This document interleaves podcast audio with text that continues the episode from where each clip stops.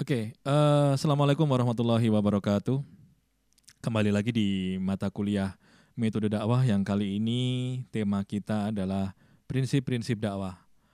Eh, prinsip-prinsip dakwah ini menjadi penting karena ini adalah pegangan. Kalau kemarin ada kode etik, kalau kode etik ini rambu-rambu, eh, semacam rambu-rambu begitu ya, kode etik dalam berdakwah. Tapi kalau prinsip-prinsip dakwah ini adalah pegangan, ini adalah pedoman ketika orang ingin berdakwah atau how to. Seringkali orang gimana sih harusnya dakwah itu apa sih yang boleh dan apa sih yang tidak gitu. Sebenarnya memang mirip-mirip dengan kode etik, tapi uh, prinsip-prinsip ini saya kira lebih universal gitu. Oke, kita masuk ke prinsip dakwah yang pertama, uh, yaitu mencari titik temu. Mencari titik temu itu sebetulnya susah-susah gampang, karena sering kali orang itu lebih ingin mencari titik beda. Seringkali kita gitu mencari titik beda. Kita misalkan dengan teman yang beragama lain begitu. Kita mencari titik beda. Wah ya kan Tuhanku beda harus Tuhanmu gitu. Itu itu titik beda. Kenapa yang dicari titik beda? Pertanyaannya kan itu sebetulnya. Oh cara beribadahku kan beda gitu. Atau misalkan kita ketemu dengan suku lain. Lah yo ya, kulitku kan orang kaya kulitmu sing putih meripatku yo ya sipit kaya wakmu kenapa orang cenderung mencari titik beda gitu? Ini ini yang menjadi pertanyaan sebetulnya. Padahal prinsip dakwah itu kalau bisa ya mencari titik temu ini mungkin kontradiktif atau ini mungkin susah karena orang ya itu tadi bawaannya mencari sesuatu yang yang berbeda. Lalu aku kan subuh kunut dan aku kan orang. Itu itu mencari titik beda naluriah manusia barangkali itu ya. Tapi seharusnya yang kita cari adalah titik temu. Oke, agama kita beda, agak suku kita beda, tapi setidaknya kan kita sama. Kita sama-sama manusia. Manusia itu apa yang yang disuka oleh manusia? Oh, manusia suka diperlakukan dengan baik, manusia diperlakukan dengan adil, jujur, dengan diperlakukan dengan apa namanya sopan, dengan santun gitu. Itu semua manusia suka diperlakukan seperti itu. Nggak peduli agamanya A, nggak peduli sukunya B atau apa pun itu itu pasti begitu. Gitu. Artinya titik temu itu penting. Kalau kita sudah berangkat dari kemauan untuk mencari titik temu itu enak. Hawane ora ora nek mencari titik beda itu kan berarti kan pengen pengen menarik garis pembeda gitu loh semangatnya nggak oke okay, nggak nggak nggak positif itu itu cukup bagi saya ya negatif. Ya sudah tahu bahwa beda itu ya beda gitu aja bahwa antara aku dan kamu mungkin agamanya beda tapi ya sudah gitu. Tapi kan kita masih bisa berteman karena kita sama-sama manusia karena kita ada bahasa yang bisa menyatukan kita ya ya bahasa kemanusiaan begitu saya kira itu. Nah uh, karena sebetulnya kalau kalau ini mungkin apa terdengarnya kalau bagi yang tidak biasa terdengar kontroversial tapi di atas agama bagi saya ada kemanusiaan karena memang agama itu beda, beda-beda betul. Agama itu beda-beda. Tapi kan sebetulnya yang yang yang di atasnya itu uh, humanity, ya, ya kemanusiaan itu gitu. Semuanya sama. Manusia di seluruh dunia itu ya sama. Itu dengan cinta kasih, dengan kasih sayang itu itu semua itu pengen diberikan rasa aman, rasa cinta kasih itu semuanya mau itu dengan dengan hal yang begitu itu. Gitu. Nah sering kali karena tidak bijak itu agama itu menyekat-nyekat karena di, di, dijalankan dengan tidak bijak begitu. Ya. Agama itu kemudian menyekat-nyekat antar umat beragama padahal harusnya tidak terjadi begitu. Oke, kemudian ya bagi saya mencari titik persamaan itu sebetulnya mencari titik perdamaian gitu. Umat manusia ribut, umat manusia apa namanya ruwet satu sama lain itu karena ya itu tadi sering kali mencari titik perbedaan. Lo calon bupatiku kan si A, calon bupatimu kan si B, ribut iki presidenku, iku presidenmu ya itu itu pasti ribut juga gitu. Kesemangatnya mencari titik beda gitu karena semangatnya mencari hal yang tidak sama padahal ya, ya tidak sama. Perbedaan itu ya sunatullah begitu sebetulnya. Asal kita bisa mengelolanya saja gitu. Itu itu bagi saya penting sih untuk mencari titik temu. Dakwah itu harus harus berangkat dari situ dulu gitu. Kalau kita sudah mencari titik beda ya boleh jadi kita sama aja mencari titik, titik permusuhan begitu dan itu sangat tidak dianjurkan sebetulnya. Oke, kemudian yang kedua prinsip dakwah yang yang pertama tadi mencari titik temu ya, yang kedua adalah menggembirakan sebelum menakuti. Nah, secara naluriah manusia itu membenci hal-hal yang menakutkan. Ojo urung-urung gitu terus wah iki engko nek kowe rangine mlebu neraka gitu atau nek kowe engko misalnya melakukan ini kamu ini bagian dari apa misalnya bid'ah kamu nanti ini terjerumus kepada kekafiran gitu jangan menakut-nakuti dulu gitu. Jangan menakut digembirakan dulu. Manusia itu ya sekali lagi naluriah itu pengen untuk mendengar hal-hal yang gembira, menggembirakan gitu. Wah, nek gue bersyukur ki insya Allah Gusti Allah nambah nikmat. Gitu. Itu nikmatnya ditambah oleh Gusti Allah. Itu itu kan mengembirakan gitu. Orang kan seneng kan oh nih aku bersyukur aku ditambah nikmati Gusti Allah. Siapa yang nggak suka kan ditambah nikmatnya kan dalam banyak hal kan bisa rezeki perkawanan macam-macam itu nah ini ini yang dikedepankan dulu jangan kemudian menakut-nakuti dulu begitu. Kalau kamu nggak begini nanti kamu begitu. Nah itu sudah menakut-nakuti gitu. Kita mungkin perlu mengingat sabda Nabi Muhammad SAW yang mengatakan bahwa Beliau bersabda bahwa serulah manusia dan berilah kabar gembira dan jangan membuat orang lari. Nah, ini ini, ini penting sekali bagi saya.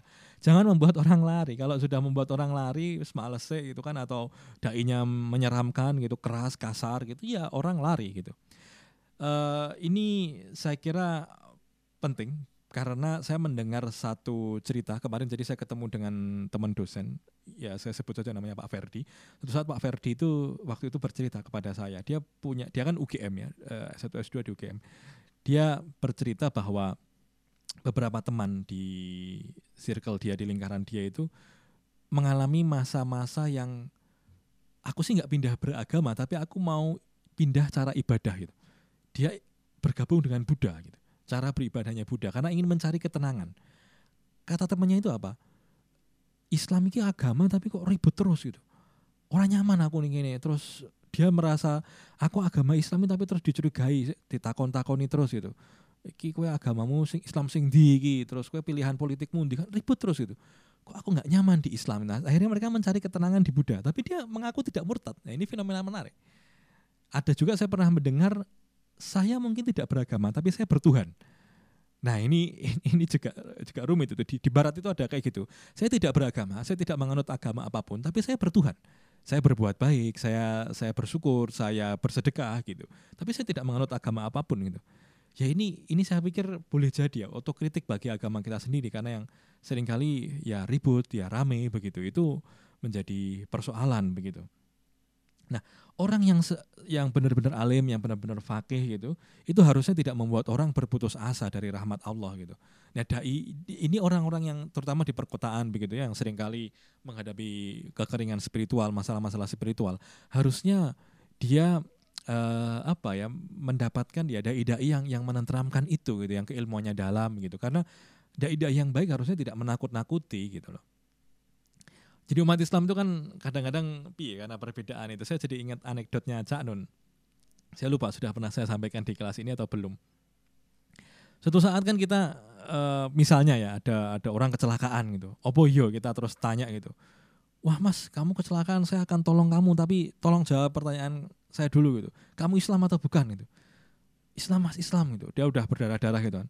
Oke, Islammu NU atau Muhammadiyah gitu. Ditanya gitu, masih ditanya gitu. NU mas, saya NU gitu oke okay, kamu NU, kamu NU-nya PKB atau P3 gitu. Ditanya dikejar lagi gitu. Walah mas, aku PKB mas, aku milih PKB. Oke, PKB-nya kubunya Gus Dur atau kubunya Muhaimin itu. Apa ya kita mungkin akan bertanya terus begitu gitu. Dan itu kan mencari titik beda gitu kan. Sampai sampai ditelusur begitu itu. PKB ini melu Gus Dur atau Muhaimin. Terus dia jawab, oh saya PKB-nya Gus Dur, oh ya udah nggak jadi saya tolong, saya PKB-nya Muhaimin. Apa ya mungkin begitu. Jadi artinya Ya, ya ini ini masalah kita ya sebetulnya ya masalah di ya, orang akhirnya menurut pengakuan uh, temannya teman saya tadi dia menjauh dari Islam karena ya di Islam sendiri begitu itu berisi ribut karena perbedaan begitu ya mungkin dia tidak siap aja padahal ya sebenarnya kalau kita secara mental siap itu ya itu mungkin biasa gitu kan perbedaan-perbedaan yang semacam itu gitu. Oke, okay, uh, eh, ini prinsip dakwah yang kedua tadi ya, mengembirakan sebelum menakuti. Yang terakhir, yang ketiga itu memudahkan dan tidak mempersulit. Ya, agama Islam itu kan apa? Tidak bukan agama yang yang berat. Kita misalkan tahu ada istilah ruhsoh ya. Sholat itu kemudian boleh dijama kalau misalkan sakit ya sholat sambil berbaring itu kan agama yang memudahkan kan kan tidak terus kemudian wah pokoknya harus dalam keadaan apa pun kamu sholatnya harus berdiri gitu. Kuat gak kuat harus berdiri. Kalau nggak kuat kamu berarti nggak sholat. Kalau nggak sholat berarti dosa. Kan kayak gitu juga. Kalau sakit ya diberi keringanan begitu kan. Itu itu bagi saya adalah ajaran yang yang memudahkan sebetulnya. Kemudian ya kita bisa mengambil teladan ya dari nabi. Kalau teman-teman masih ingat Nabi itu pada, pada suatu hari itu ada suku Badui gitu. Ada orang Badui yang masuk ke masjid dan dia kencing di masjid. Tapi kan Rasulullah menyuruh menyuruh uh, sahabat-sahabatnya untuk tidak marah gitu. ya sudah disiram air saja gitu dan diom, di, dikasih tahu lah diomongi ben ben orang mengulangi meneh dan diomongin nek kuwi kleru gitu.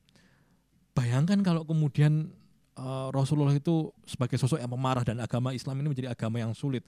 Begitu melihat ada orang kencing di masjid itu kan pasti langsung ditebas lehernya, tapi kan ternyata tidak gitu.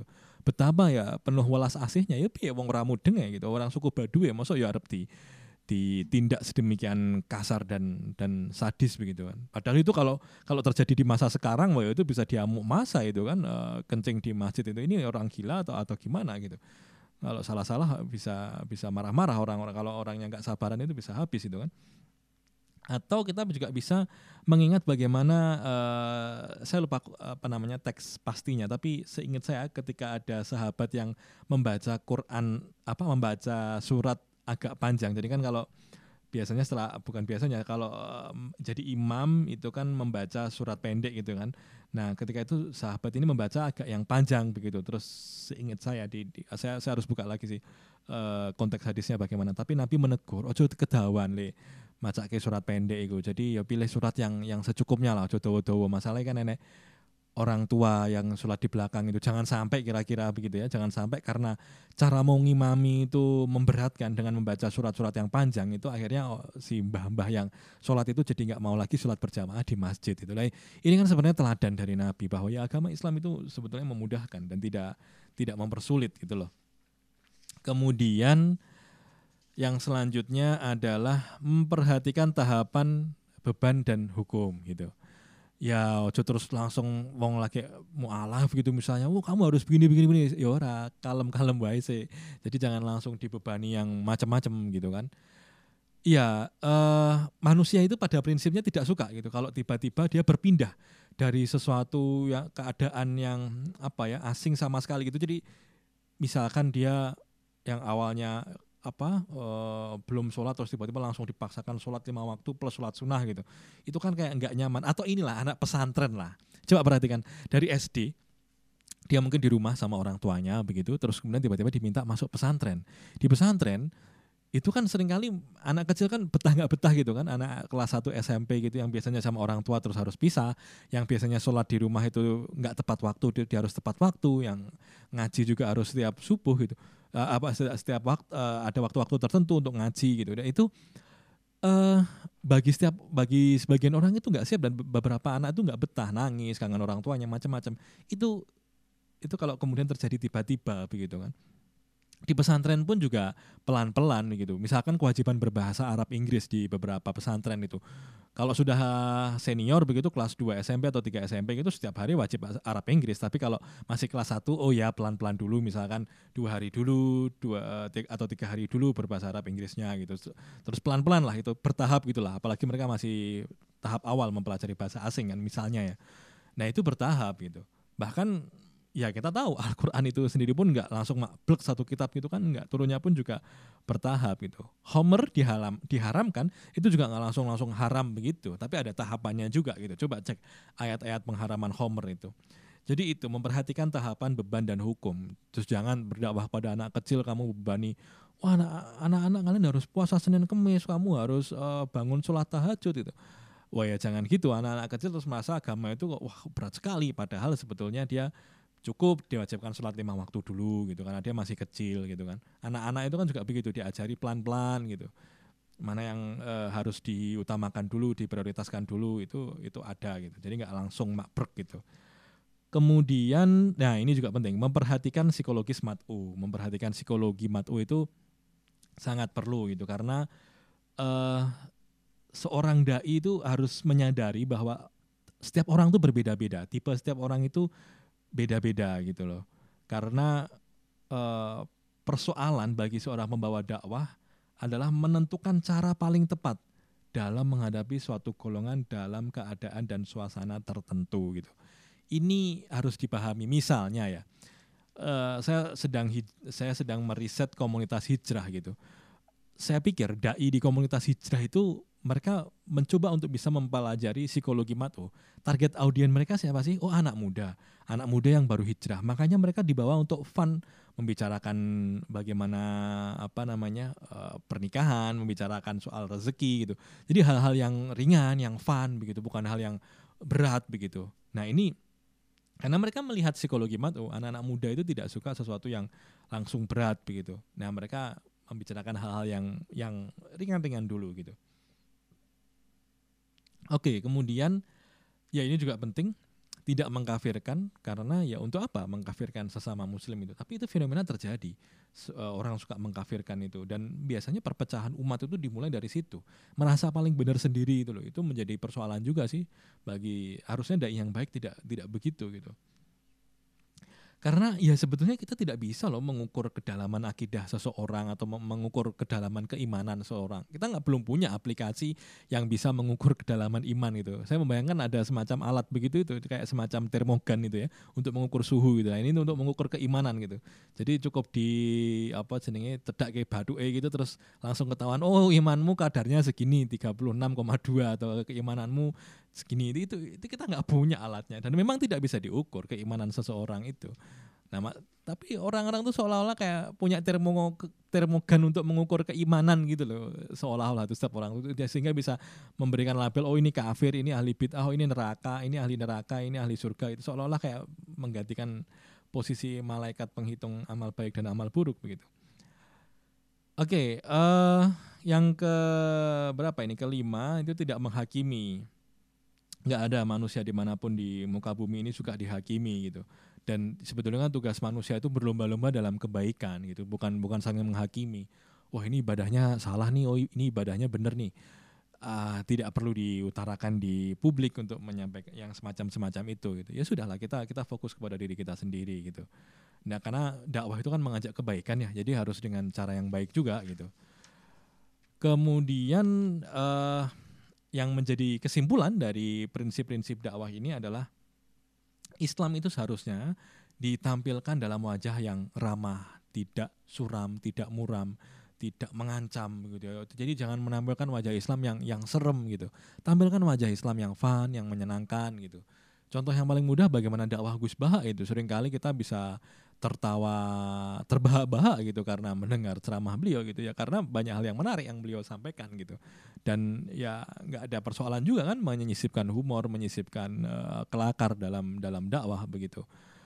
Karena kalau uh, kita tahu bahwa dakwah yang frontal itu sebetulnya malah justru akan menyulut permusuhan dan sangat kontraproduktif gitu. Jadi ya yang yang biasa-biasa saja gitu dakwah itu. Uh, kita menemukan dulu banyak sih kalau teman-teman lihat bagaimana ketika pilpres itu dakwah yang frontal dakwah yang keras itu itu banyak sekali ditemukan di uh, waktu itu gitu. Dan itu ya untunglah sekarang sudah mulai mulai ini ya bergeser gitu.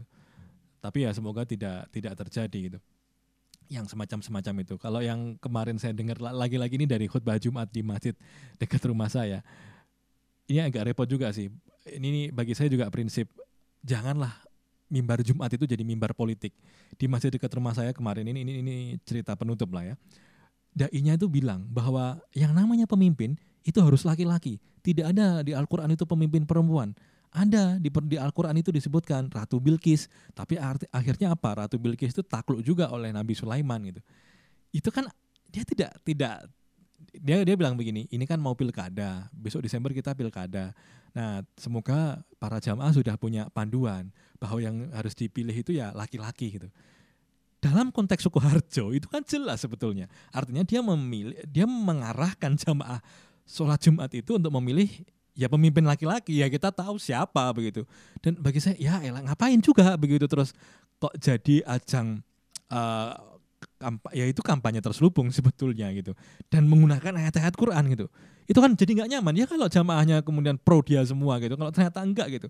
Itu masalahnya calon di Soekarno cuma dua dan arahnya sudah jelas mana yang uh, ada pemimpin perempuannya dan mana yang enggak. Tapi dia menggunakan itu seolah-olah itu ya gimana? Saya termasuk yang tidak cocok gitu memasukkan politik apalagi terus membawa-bawa begitu. Dan seolah-olah itu pemimpin perempuan itu haram gitu. Padahal kita bagi sebagian ulama boleh aja gitu. Dan kita bisa lihat kok beberapa prestasi pemimpin perempuan itu bagus itu. Sus, menteri Susi ketika menjadi menteri kelautan itu cukup bagus gitu. Atau Burutno jadi menteri apa namanya uh, luar negeri itu juga bagus itu dan dan banyak lah saya pikir pemimpin-pemimpin perempuan yang yang bagus itu apalagi kalau kita uh, apa ya biar tidak bias gender ya, jadi tidak ada masalah gitu. Kita juga di kampus ini kan tidak ada syarat pemimpin dema harus laki-laki kan juga tidak ada gitu dan kampus kita ini bukan bukan kampus barangan juga ini kampus agama. Kalau kampus agama kita ini kolot ya ketua dema, ketua HMPS itu semuanya harus perempuan tapi apa harus laki-laki, tapi kan tidak ada aturan itu gitu loh. Nah, dia membuat tafsirnya sendiri.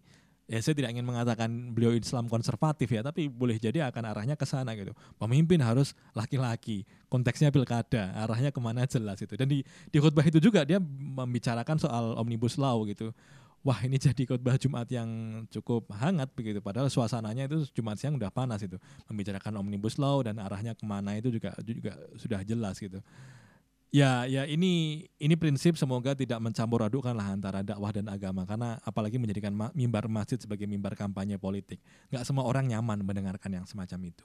Saya kira itu. Terima kasih uh, telah menyimak uh, podcast ini dari awal sampai akhir. Ketemu lagi minggu depan. Assalamualaikum warahmatullahi wabarakatuh